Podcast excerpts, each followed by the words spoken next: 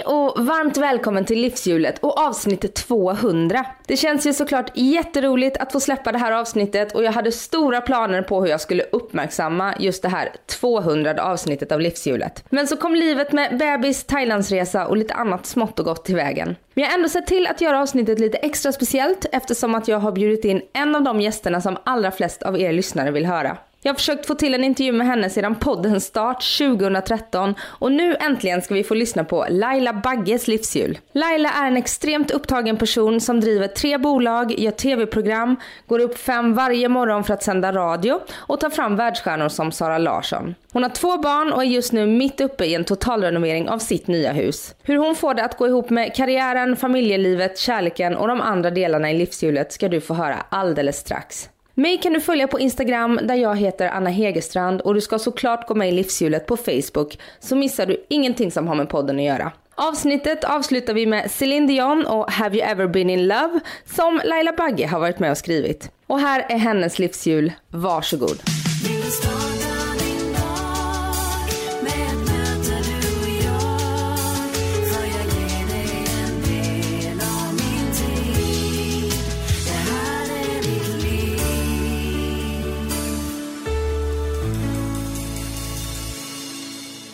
Är så jävla dålig på att komma na- ihåg namn. Ja. Det är ju liksom, jag är ju, det är ju nästan så att jag skäms över men jag har ju till och med glömt mitt eget barns födelsedag. Är det sant? ja, men det var för att hade han varit i Sverige hade jag inte gjort det för att jag måste systematiskt skriva i almanackan, annars glömmer jag. Jag gör verkligen det. Eh, och jag kan till och med glömma min egen. Så att det, och ens barn får man ju inte glömma. Det är verkligen så tabu. Så att jag har verkligen skrivit in det. Men, och det här var förra året. Eh, och då var hon, han hos sin pappa i USA. Alltså det var det äldre barnet? Ja, Liam.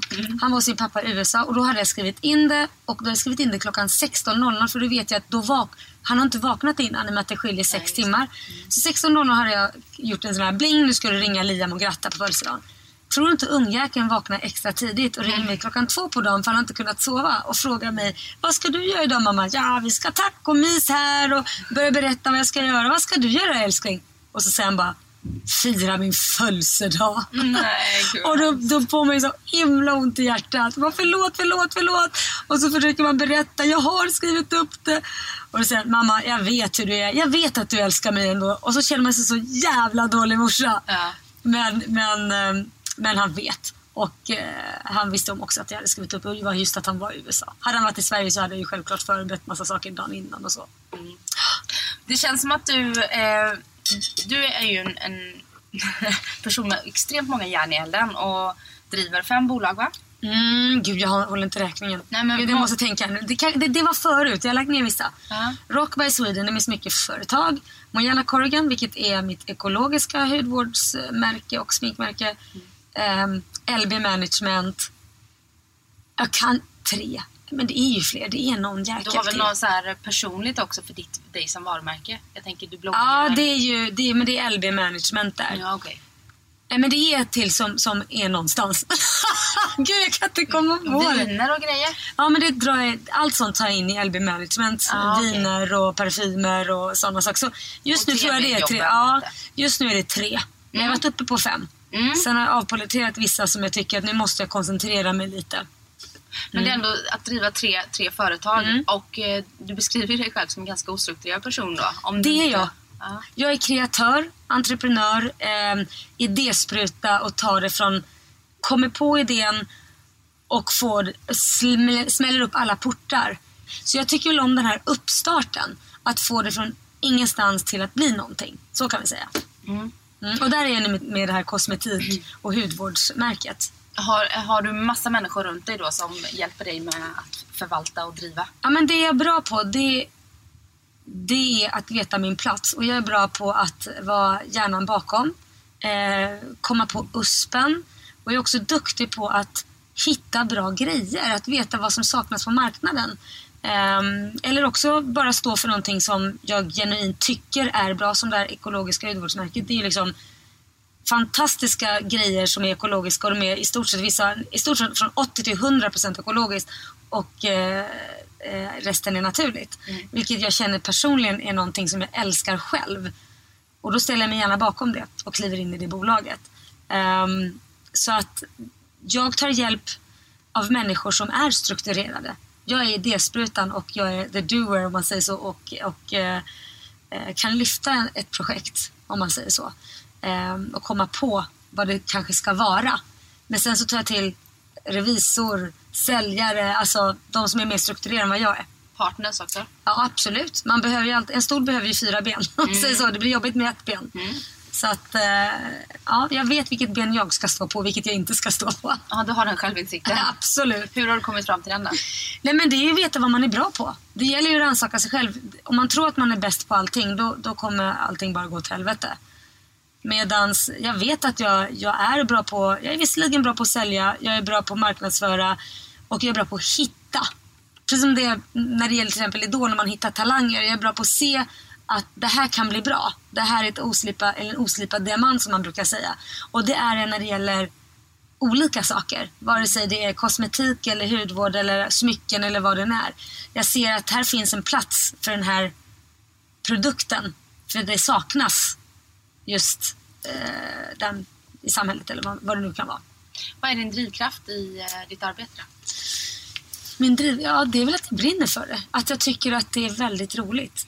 Um, allting som jag gått in i har ju börjat med att jag gör det med hjärtat först. Och blir det bra så är det ju fantastiskt kul. Och blir det inte bra, ja men då provar jag på något nytt. Så mitt driv är nog mer att få göra det jag tycker är kul och det jag tycker är spännande. Hur viktigt är pengarna i det? Pengar har aldrig varit viktigt för mig um, överhuvudtaget utan det viktiga för mig är att få jobba med det jag tycker är kul. Och sen har det oftast blivit att man tjänar pengar på det och då är det ju extra kul. Och det är självklart att nu har man blivit lite äldre och bekväm så att är det något som inte funkar även om man tycker det är kul så är det ju heller inte kul i långa loppet om man ska slita och slita och slita och man inte får ut något utav det. Så då lägger jag ner och hittar något annat jag tycker är kul. Men jag skulle aldrig göra något som är tråkigt bara för att jag tjänar pengar. Aldrig. Nej.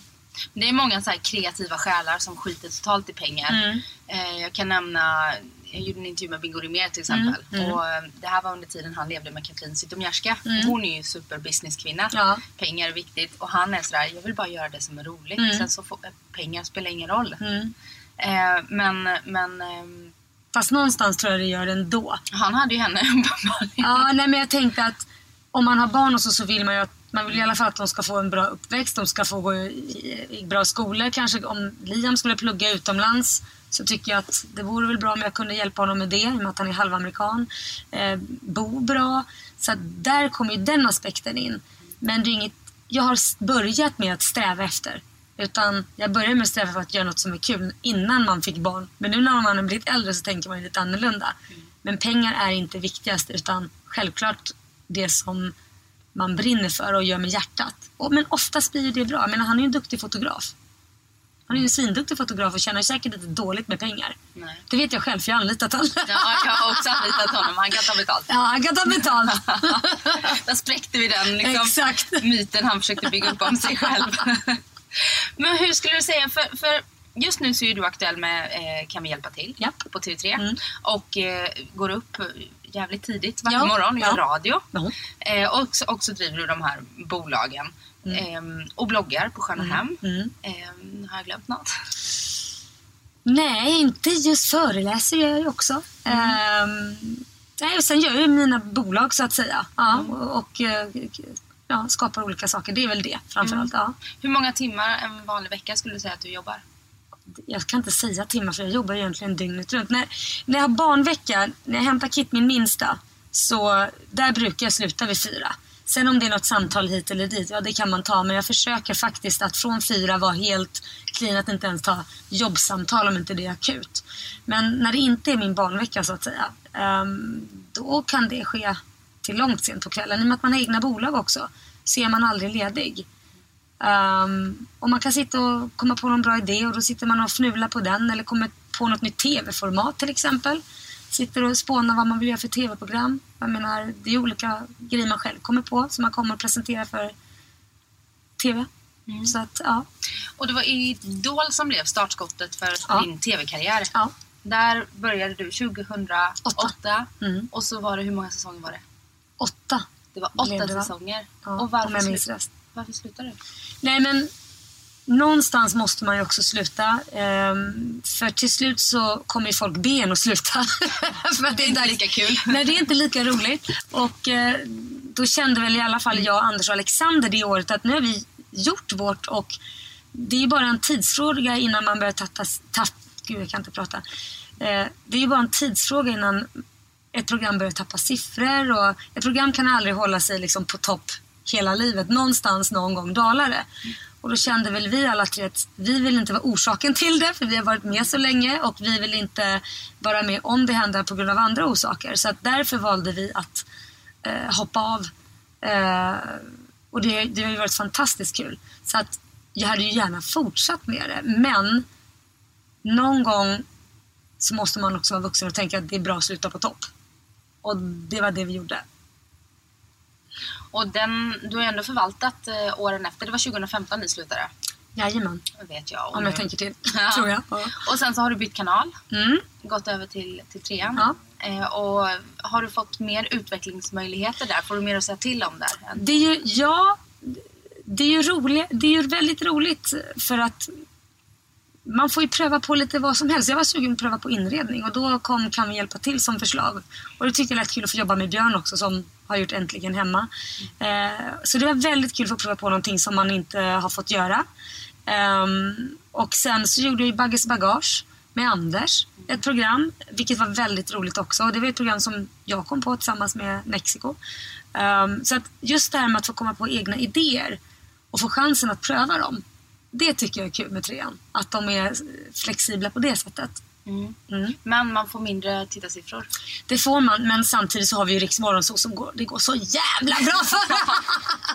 Ja, för där har det också varit ett tag nu. De Ja. har, dina, dina medarbetare har ju bytts ut. Adam har slutat. Ja. Ja. Eh, Marco har slutat. Och, Nej, eh, Marco är ju kvar i och för sig, han är ju varje fredag. Ja, precis. Men Mm. inte, han är inte fast liksom Nej. varje dag så. Nej. Och nu så är det du och Roger som gör det. Jag, Roger och sen så har vi lite olika gäster som Magnus Uggla, Peter Settman och Marco som Måns Möller också som kommer in och ut Ja, i studion. och det kan jag ju tänka, vad, vad roligt för dem att få göra detta en dag i veckan och behöva gå upp fem en dag i veckan. Men hur är det för dig att gå upp fem, fem dagar i veckan? Nej men alltså, så länge man har roligt på jobbet så gör det ingenting. För jag, om jag hade velat så är jag ju klar efter klockan 11. Mm. Men nu vill jag ju inte det. Så nu ska jag, då fortsätter jag med TV eller något annat projekt som jag har. Men hade jag velat så hade jag ju bara kunnat nöja mig med det. Och då är jag ju ledig sen resten av dagen. Så att för mig är det, visst man får bita i det sura äpplet och gå upp tidigt. Men samtidigt så är det fem timmars jobb och sen är det klart. Så att det är ju ganska lyxigt. Och att få sitta i radio och prata om vad man tycker och kiss och bajs och sex eller något annat. Eller skälla ut folk eller ge beröm till folk. Ja, det är ganska kul att få betalt för det. Ja, det förstår jag. När går du och lägger dig på kvällen? De här... Ja du. Det är ju... Jag, jag, har jag en barnvecka så slocknar jag vid åtta. Och min pojkvän försöker få liv i mig därefter och då, då går När jag upp. ska ha egen tid liksom. När vi ska ha egen tid. Och då, hin, då går jag väl upp och tittar på ett halvt avsnitt av på någon serie och sen slocknar jag. Men han är så jädra gullig för att han, liksom, han accepterar det. Han, jag fattar. Så att, eh, men när inte barnvecka, då, det är just den här grejen när man ska lägga någon klockan åtta. Det är då det är lätt att falla in i sömn. Men har jag inte en barnvecka då är det lättare att hålla sig vaken. I alla fall till tio. Men du är ingen kvällsmänniska med I vanliga fall är jag ju det. Så på helgerna är det. Så den jobbigaste dagen att gå till jobbet det är ju måndag för då har man ju vänt på dygnet. Så att på helgerna är jag ju uppe mycket längre. Så att eh, måndagar är lite tuffare. Ja, det förstår jag. Mm. Jag vet att Hillary Paula har sagt att hon sov fem timmar varje natt. Hon kanske fortfarande gör det. Ja, men det kan nog tänkas att jag gör också vissa nätter, eller ganska många. Faktiskt. Har du alltid eh, varit i lite behov av sömn eller har du programmerat dig in på det? Nej, men jag behöver nog inte sova jättemycket.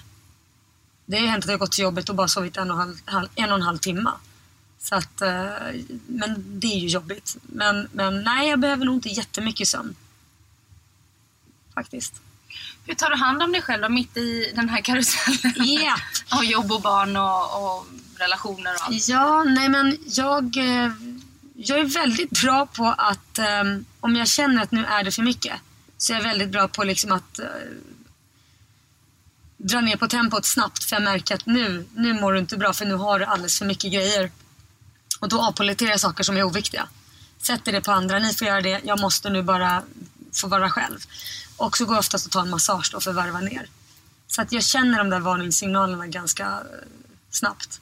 Under den här massagen, kan du släppa allt? eller? Absolut, jag brukar oftast somna. Ja, det är så. Det De är så att vana vid att jag snarkar. Så du njuter inte jättemycket av massagen? jo, det är ju det jag gör. Så mycket så att jag somnar. Ja, det är så.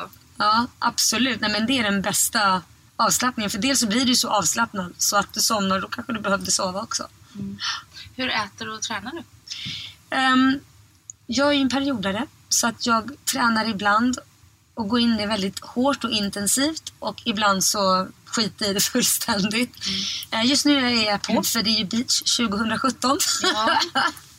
Eh, så att just nu så försöker jag ta minst fyra pass i veckan. Gå på olika pass. Oj, det är bra. Mm. Går du på gruppträning då eller? Ja, hit. Eh, bland annat där man ska svettas och göra så här uh, workout eller aerobics. Är det i sats vi pratar om nu? Jajamän, Mm. 40 graders värme eller 38 eller vad det är. Den är ju effektiv alltså. Mm. Wow, jag tror jag skulle svimma första gången jag körde den. Ehm, men men det, jag behöver ha någon som står och skriker på mig för att jag ska göra det jag ska. Annars så är jag en latmask. Jag har ju PT och det är Mm. inte för att jag inte kan träna. Eller, jag är jätteduktig på att träna. Mm. Jag har svårt att ta mig till gymmet. Ja. Det är liksom det, den funktionen som hon fyller. Ja. Som i morse har jag varit uppe då och kört mellan 8 och 9. Duktigt! Ja, tack. Ja. Nej, men hur funkar det för, för dig? Kan du... ehm, motivationen, hur hittar du den? Liksom? Nej, men jag, jag, är, jag kan säga det som dig där. Det har varit att jag stått på parkeringsplatsen och tänkt, ska jag verkligen träna idag? Och då är drivkraften, ja det ska du för efteråt kommer du vara så jävla glad att jag har gjort det och så kan du få äta något extra smaskigt Ja. utan att det lägger på dig någonting. Eh, och det är ju det som är drivkraften, att kunna få äta det man vill för att man faktiskt tränar. Många säger ju, eller det är ju eh, inte riktigt PK att säga att Nej. man tränar för att vara snygg. Ja, nej men det gör jag också, absolut. Jag står för det. Men fasen vill inte se bra ut. Jag tror att man är lite hycklare om man säger att man bara tränar för hälsan. Det är klart att alla vill höra att man är fin eller man vill känna sig fin. Det är väl självklart. Ja, och du sa ju det att ja, jag tränade ju beach 2017 Ja. som kommer nu. Men du står ju i TV året runt egentligen. Ja, men du, gud. Jag, jag, Och omslag på tidningar och sådär. Ja. Nej, jag tycker inte... Jag, för mig, jag har inget problem med att säga att jag vill se bra ut. Absolut. Och det, det har väl jag haft i hela mitt liv. För att jag började ändå som ung att vilja bli dansare. Och då är man ju väldigt mån om sin kropp och hur man vill se ut. Sen kan ju andra tycka att men du duger som du är. Absolut, alla duger som de är.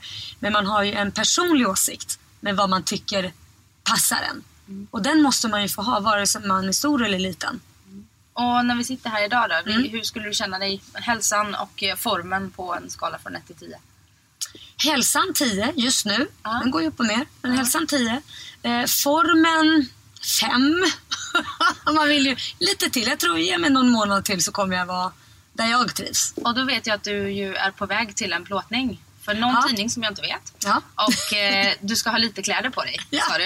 Hur känns det då att ställa sig när man känner sig som en så här Jag ska inte ha så lite, jag ska inte så lite kläder på. det är Men ingen- dock så är blekheten, alltså armar och, och man ser liksom ben och sådär. Man vill ju inte se ut som... Jag har ju mer en grön färg just nu än vad jag har en liksom normal hudfärg. Mm. Så att det är ju mer det. Så att eh, det är mer att ben och armar och axlar syns liksom och rygg. Så att.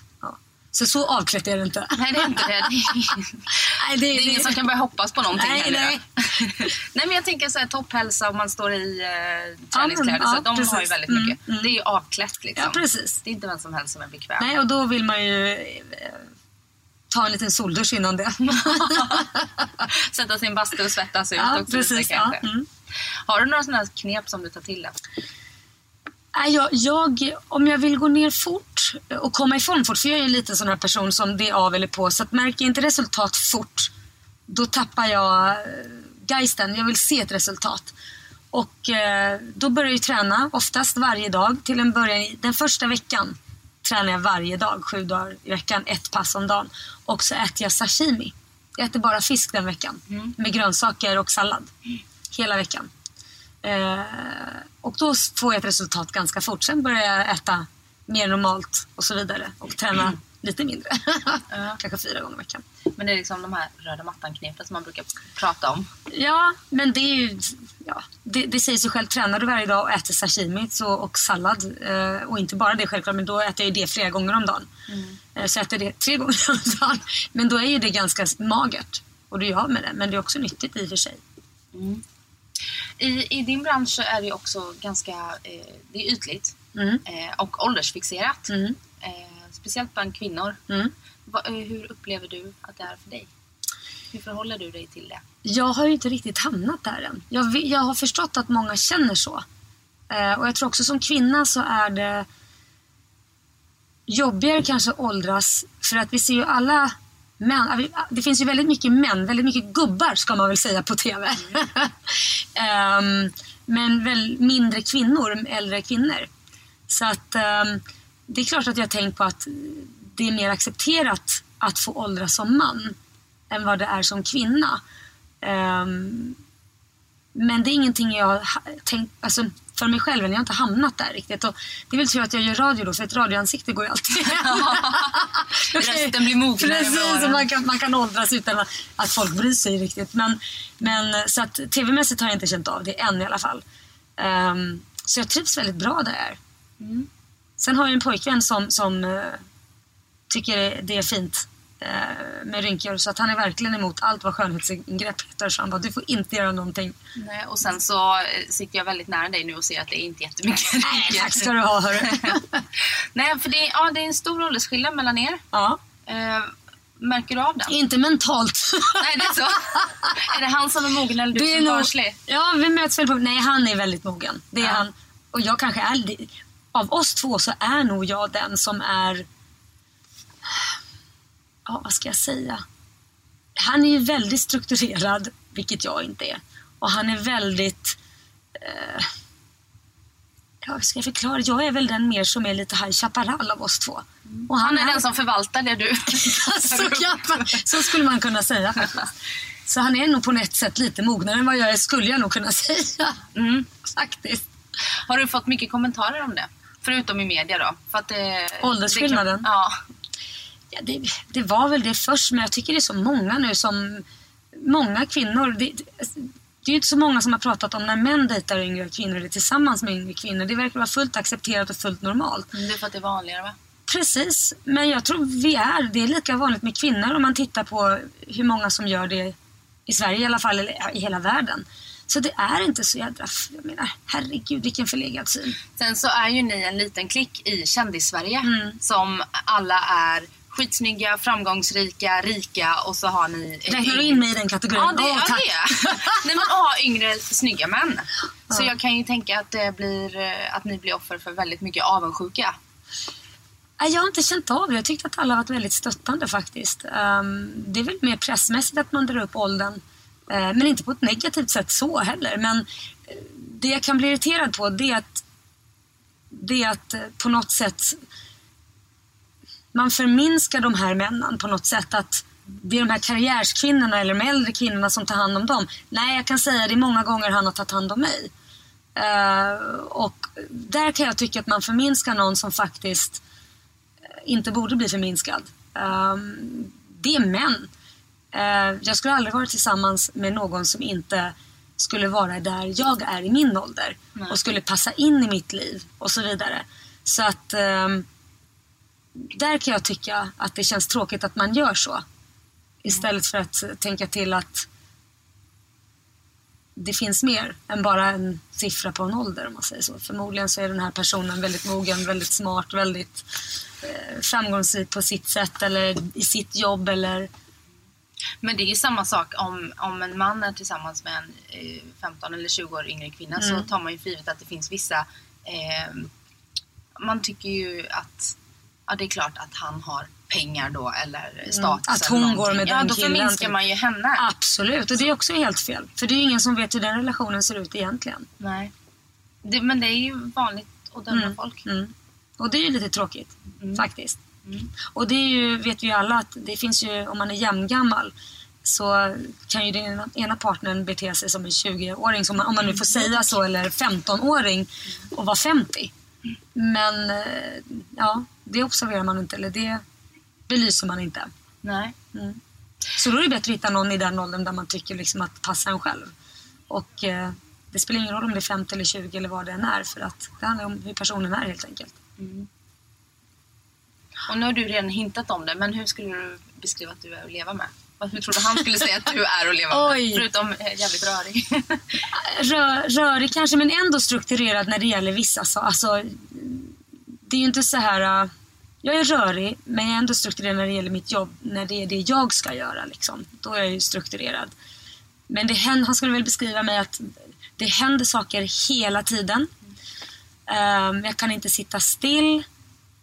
Uh, alltid ett projekt på gång. Väldigt sällan arg och ledsen utan jag ser det positiva först. Och tänker alltid det fixar sig alltid. Det löser sig. Lösningsfokuserad. Målmedveten. Var kommer det här ifrån? Ja, det vet jag tusan. Morsan säkert. Det är säkert mamma från barnsben. Jag vet, han har säkert massa andra epitet han skulle sätta på mig också. Men jag vet inte. Du har sagt också att du inte kommer vilja gifta dig igen. Ja, jag vet. Men saken är, nu, nu får man väl börja...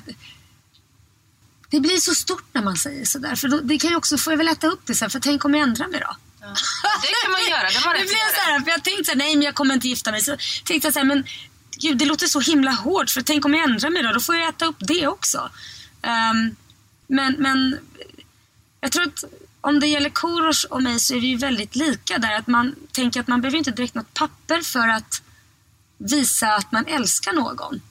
Så vi har ju samma tänk men samtidigt så man ska aldrig säga aldrig. Nu vet jag att jag låter helt velig. Jag vet inte om jag vaknar på fel sida.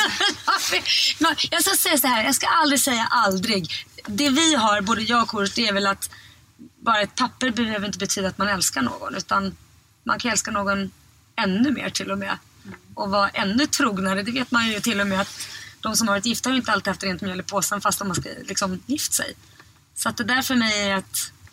Men visst, man ska aldrig säga aldrig. Det tycker jag är lite konstigt. Jag fick barn i somras och jag är inte gift med eh, pappan. Mm. Men vi är sambos och vi Ja. älskar varandra. Ja.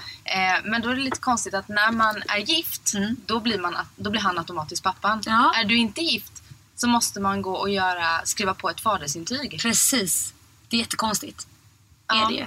För det är ju, ja, Ja, det är det ju. det är lika lätt att pippa snett om man är gift. Jo då, det är det ju faktiskt. Det har du rätt i. Ja. Hur tänker du kring fler barn? Skulle du vilja ha det? Ehm, jag har inte ens tänkt på det faktiskt. Just nu känns det som att det är bra som det är. Ehm, och sen är ju den åldern jag är. Jag vet ju inte ens om jag kan få barn heller.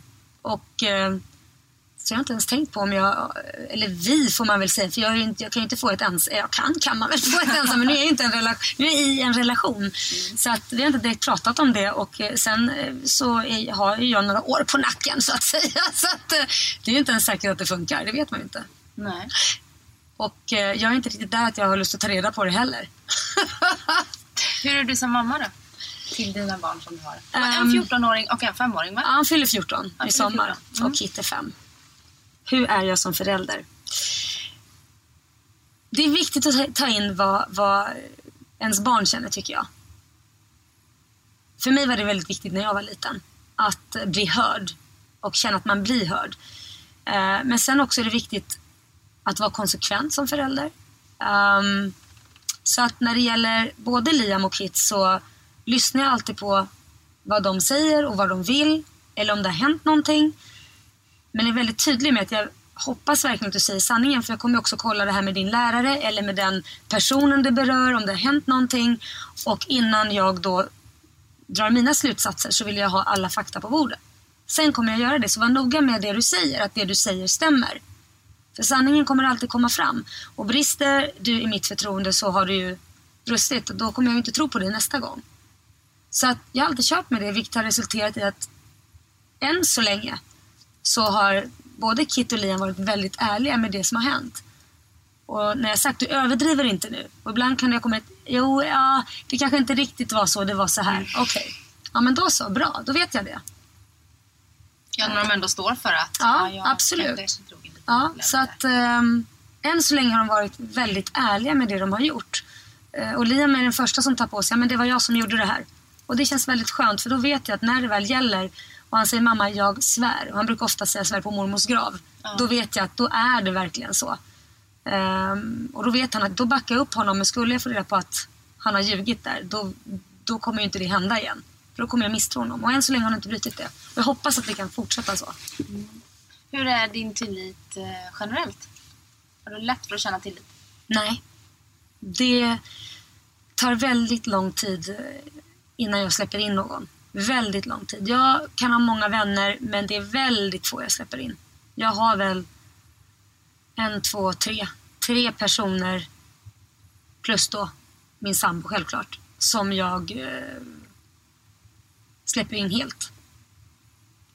Du, du är den här som har 5000 kompisar på Facebook. Man kan inte adda dig som är bekanta liksom. Och sen så tre nära. Ja, nej men lite så. Nej men alltså jag är öppen och så men jag, jag har alltid i åtanke att det jag säger kan spridas eller det jag gör kan spridas eller det, det jag berättar för väldigt många kanske det är det jag kan stå för om det kommer ut eller om det kommer till en annan person eller vad den är. Har du åkt på, eh, har du blivit bränd?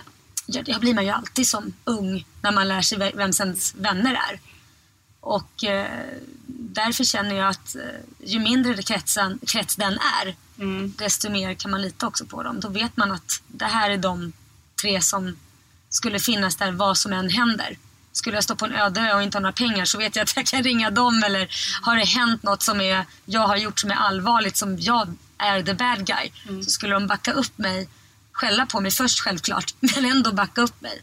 Ehm, så att eh, det känns skönt faktiskt. Och vice versa. Ja. Skulle du beskriva att du är en bra vän? Absolut, absolut. Men jag är också en väldigt hård vän så att är du, har du någon gång brutit ett förtroende så även om jag förlåter så klipper jag ändå att jag vågar inte berätta det innersta. Så att jag skulle inte klippa och säga hej då till personen. Jag skulle förlåta men jag skulle tyvärr inte kunna öppna mig på samma sätt igen. Den, det är redan kört. Så jag är väldigt hård där. Ja, det är det. För att jag anser att jag skulle aldrig, det jag själv aldrig skulle göra mot en person begär jag att den personen inte skulle göra mot mig. Så skulle den göra någonting som jag själv känner att oj, det här skulle jag aldrig göra mot dig. Jag skulle förlåta, absolut, men jag skulle ju inte kunna öppna mig igen. För jag skulle ju inte vilja gå på den niten igen. Även om den personen skulle försäkra mig att det aldrig skulle hända så känner jag men det skulle inte hända från första början. Nej, du är uppenbarligen kapabel till att, Mm. att låta det hända. Ja, så att, men nu pratar vi något major. Ja, ja. Inga jävla små grejer att man jag dök inte upp på kaféet när vi skulle Nej, ha kaffe.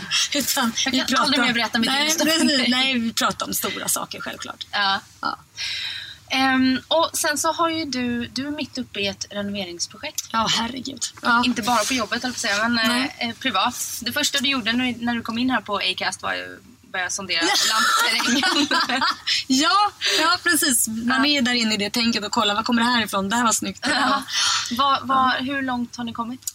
Vi har i dagens läge ett fungerande sovrum där jag sover med eh, barnen och, och eh, Korosh där vi har olika madrasser på golvet. Ehm, och sen så eh, har Liam ett vardagsrum där nere som vi alla delar på. Resten är under ombyggnad. Men nästa vecka så kommer Kit få sitt rum faktiskt. Då är det klart. så då, då har vi tre rum vi kan vara på. Vi har inget kök. Eh, så att det är mycket takeaway just nu. Mm. En toalett med en dusch.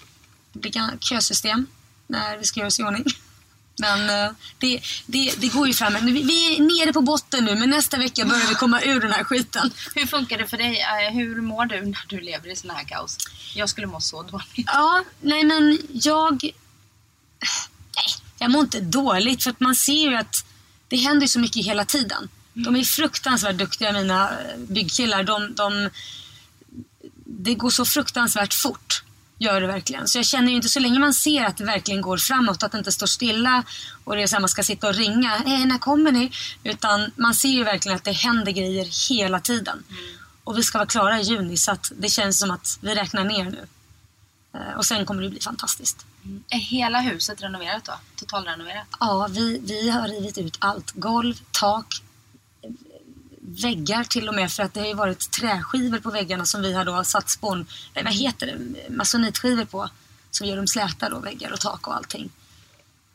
Och svarta golv, för det är något jag måste ha. Ja, men det såg jag på din blogg. Ja. Walk on black eller Ja, ja, ja. Nej, jag måste ha svarta golv. Jag älskar svarta golv. Ja. Är det några valnötsgolv då eller vad? Nej, det är svarta eh, charcoal heter de från Kärs. De, jag har haft dem, de har följt med till varje hus känns det som. Och som tur är så gillar Korosh det också. Så det blir inget bråk där. Nej, jag tänkte precis fråga dig, vem är det som bestämmer? Nej, men vi, vi kompromissar faktiskt. Eller vi, vi har samma stil. Thank God. Ehm, så att eh, vi, hjälps åt och, och eh, som tur är så gillar vi samma saker. Mm. Så det var ganska enkelt. Mm. Mm. Och i det huset du flyttade ifrån till det här, hur länge hade du bott där? Ett år, så det var inte så länge. Nej. Nej. Och hemmet innan det? Eh, det var, jag kommer inte ihåg, Nej. tre, fyra. Ja, precis det jag vill komma fram till här. Att hur länge kommer du bo nu när du har Ja, jag har lagt ju- ner så mycket Ja. tid och energi och pengar och grejer? Jag har ju då eh, fått göra ett muntligt avtal med min stora son att inte flytta på minst fem år. Ja. Mm.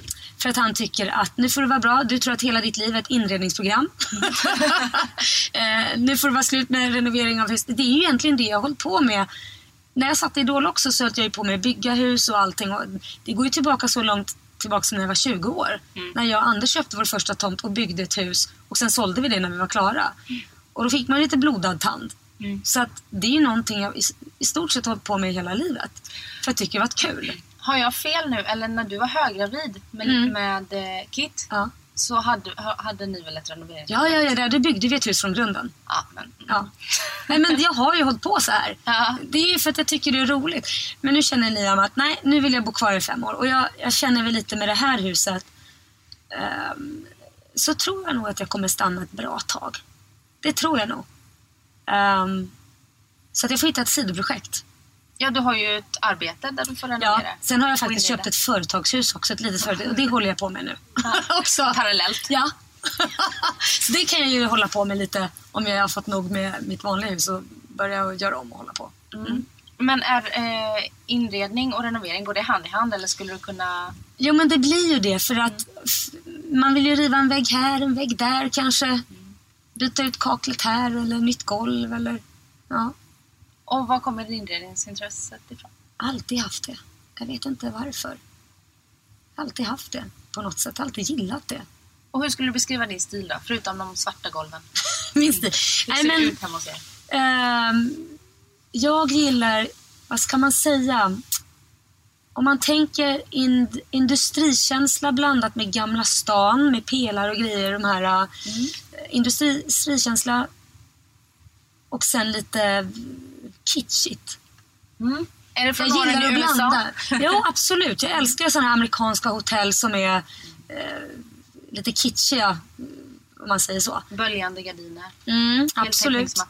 Ja, gud ja, om det är en garderob. Inte, I sovrum och garderob kan det vara det.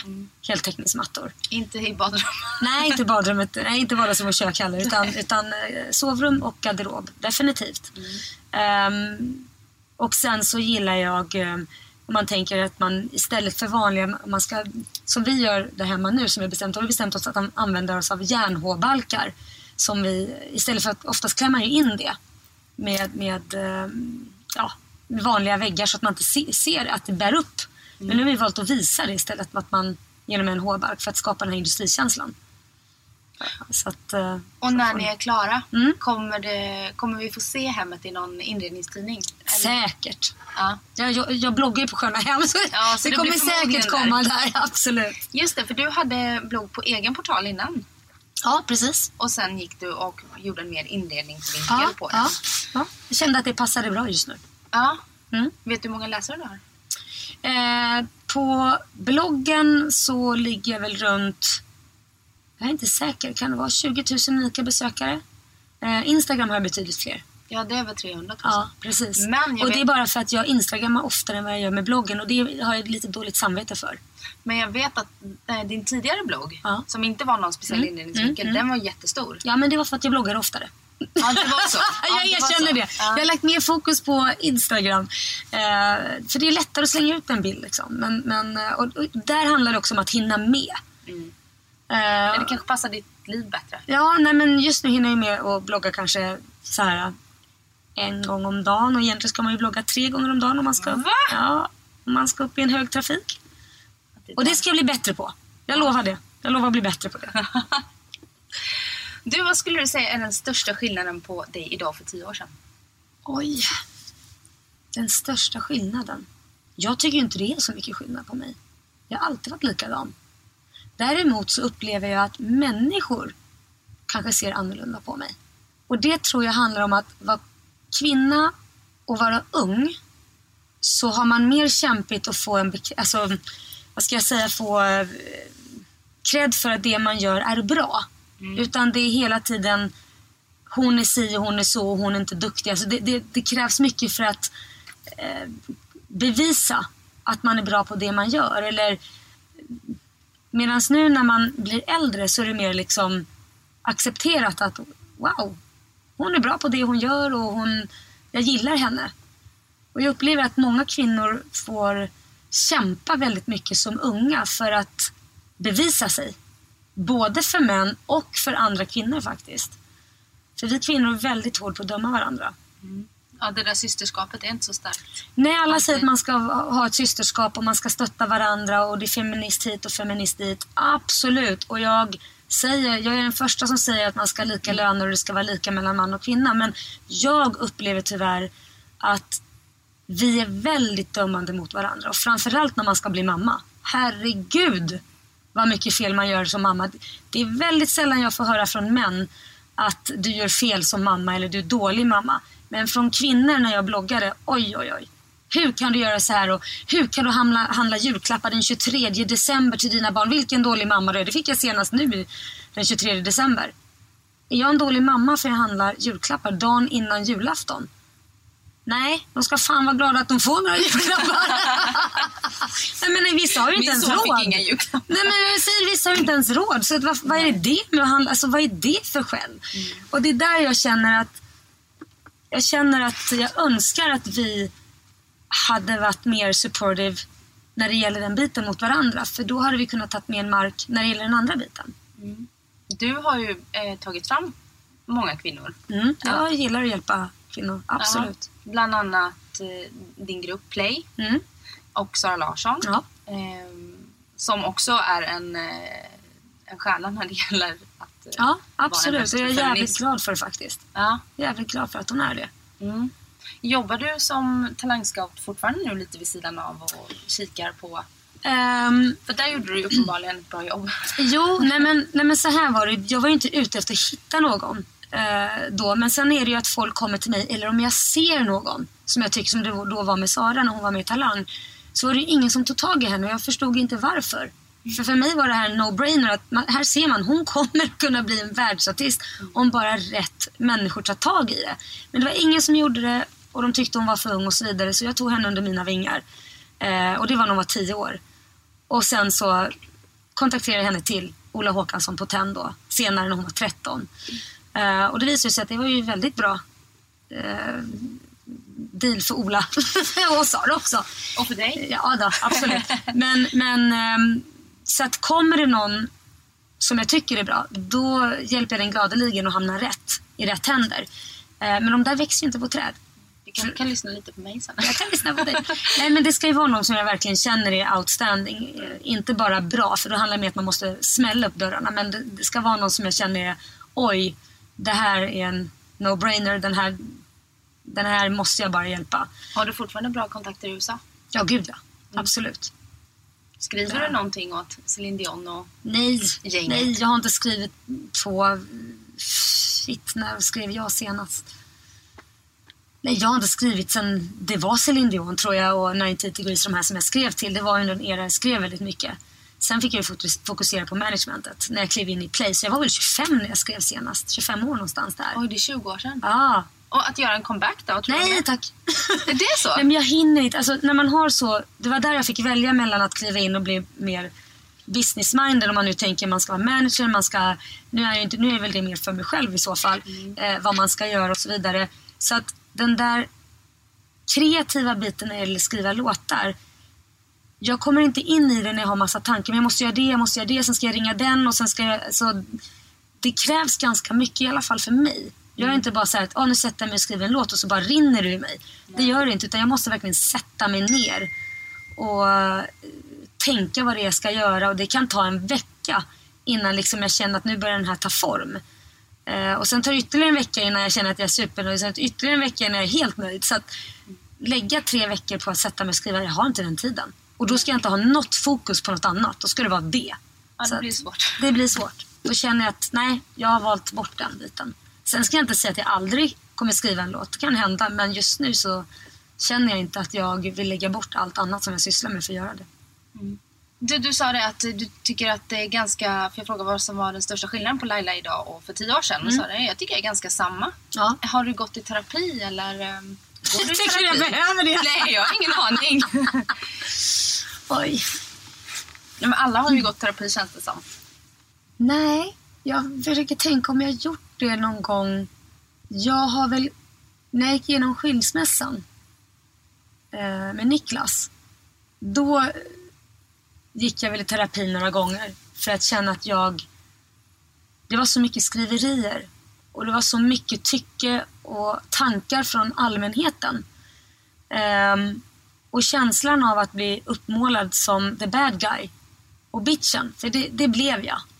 Ehm, och inte kunna göra någonting åt det. För vad jag än skulle säga så skulle det bli som att det är ett försvarstal eller... eh, och det är ju Kits pappa och då blir det som att jag skulle... Ska jag prata illa om honom då? Det fanns ingenting att prata om men tidningarna skrev det... Skvallertidningarna ska man ju säga då. Skrev det som att ja, jag var dålig och ful och bitchy och, och på alla möjliga sätt och taskig och så vidare. Så det var jobbigt att hantera det och ta det eh, vecka efter vecka för det här pågick ju inte bara i några veckor, det här pågick ju nästan i ett år. Ehm, och jag vet att Liam tyckte det var väldigt jobbigt också att se då mig uppmålad som ett monster. Eh, kall, väldigt kall, känslokall. Ehm, Hur kommer det sig att det blev så tror du? Att tidningarna Därför jag- valde sida? Nej, men jag tror mer det handlar om att jag satt i Idol. ehm, som jurymedlem. Och då är mitt yrke där att säga att det är bra eller dåligt. Och då kanske det är lättare att gå på att kalla Laila från Idol. Eh, där jag tycker att jag har visat mycket hjärta också. Men självklart har jag varit väldigt hård och sagt det här håller inte eller du sjunger falskt eller vad det än är. Och då är det ju lättare att måla upp någon som har, man har en bild av i rutan att kan vara väldigt kylig och kall kanske. Fast jag inte tycker att jag riktigt är det. Men, men absolut. Um, och göra mig det på det sättet, att måla upp mig på det sättet. Jag tycker det är så roligt för att jag träffade tidigare i veckan träffade jag Tony Irving. Mm. Som ju just nu sitter i Let's Dance och eh, är väldigt elak. Ja, precis. Eh, och det är ju det sista Tony är i verkligheten. Exakt. Och nu så jag har träffat Tony mer än vad jag har träffat dig. Men jag upplever, jag, jag tycker det är så kul att få träffa Mm. många som jag inte har träffat innan. Och som man kanske läser om och som man har en viss bild av Mm. genom media då. Och eh, sen får man en helt annan uppfattning. Mm. Det är typ något av det roligaste med mitt jobb. Mm. Men eh, jag förstår det. Jag tänker själv att, att separera och behöva läsa om det i, i media. Ja, och det... Oavsett hur man mår. Alltså, på Ja men precis, precis. Men det, det, det är ju en väldigt privat sak och det vill man ju helst inte att det ska målas upp i media eller överhuvudtaget. Man vill ju helst bara att det ska eh, försvinna, att inte någon ska liksom diskutera det. För en, en separation är ju jobbig som den är ändå. Ehm, men det här pågick liksom i ett år och då, då eh, gick jag och eh, pratade med någon för att bara vädra och känna att jag fortfarande har fötterna på jorden och kan vara stark där jag är. Eh, och det kände jag ganska direkt efter en tre gånger att nej men skönt, nu har jag fått den boosten jag behövde. Och ehm, ehm, mådde bra i det. Och vad, vad tog du med dig? Vad skulle du säga är det viktigaste du tog med dig då? Det viktigaste jag tog med mig det är väl som egentligen jag alltid har vet eller alltid har vetat eller som jag redan vet. Ehm, jag vet ju vem jag är. Och mina nära och kära vet ju vem jag är. Och det enda som betyder någonting det är ju egentligen nära och käras åsikter om en. Och de vet ju att jag inte är a cold-hearted bitch. Och elak eller har varit elak eller vad det nu än må vara som står eller så. Eh, och det är ju frustrerande för dem också att läsa det. För de blir förbannade för att det här är inte Laila! Eh, och det, det, det kan ju vara jobbigt att se det med, men det jag har lärt mig om det är ju något som jag alltid egentligen har intalat mig själv och vet att ingenting betyder någonting förutom de nära och kära. Så länge de vet och är på en sida och man inte har gjort dem besvikna så, så är det ju det som är det viktiga. Och det var väl mer att få en reminder att du har rätt i det tänket och få den boosten egentligen. Så att jag kunde ju egentligen lika, det fick jag ju redan från mina familjemedlemmar ändå. Men här var det någon utomstående som sa det också vilket gjorde att, ja, då kör vi på. Laila, tack snälla för att du kom och gästade mig i Livshjulet. Tack själv. Vad ska du hitta på i helgen nu då? Det är fredag Ja. lunch nu. Jajamän, jag ska hämta Kit eh, nu. Jag tänkte vi ska ta och grabba en bio. Ah, Ja. Vad ska ni se? Skönheten och odjuret? Ja, det kanske vi ska göra. Jag hörde att den är Ja, jag vet inte, han ska få välja där. Sen i helgen så blir det väl... Eh, jag skulle så jädra gärna vilja tacomys men jag har ju fan inget kök. Men det finns väl några taco takeaway? Eller så får vi väl eh, bjuda hem oss, våldgästa någon annan. Ja. Ta med ungarna och käka tacos hos någon. Ännu bättre. Gå hem dit och grisa ner och så går ni hem till... Det, där sa du något faktiskt. Åka hem till syrran. Ja. Men ha det så jättebra nu och eh, som sagt tack snälla. Tack själv. Have you ever been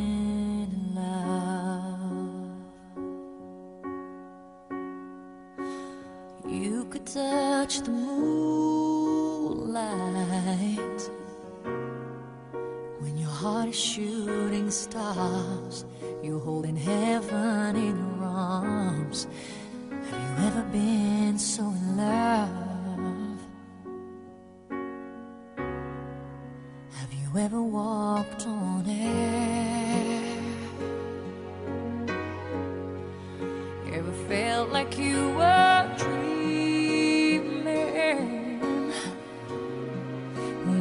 never thought it could, but it really feels that good? Have you ever been so in love? Have you ever been in love?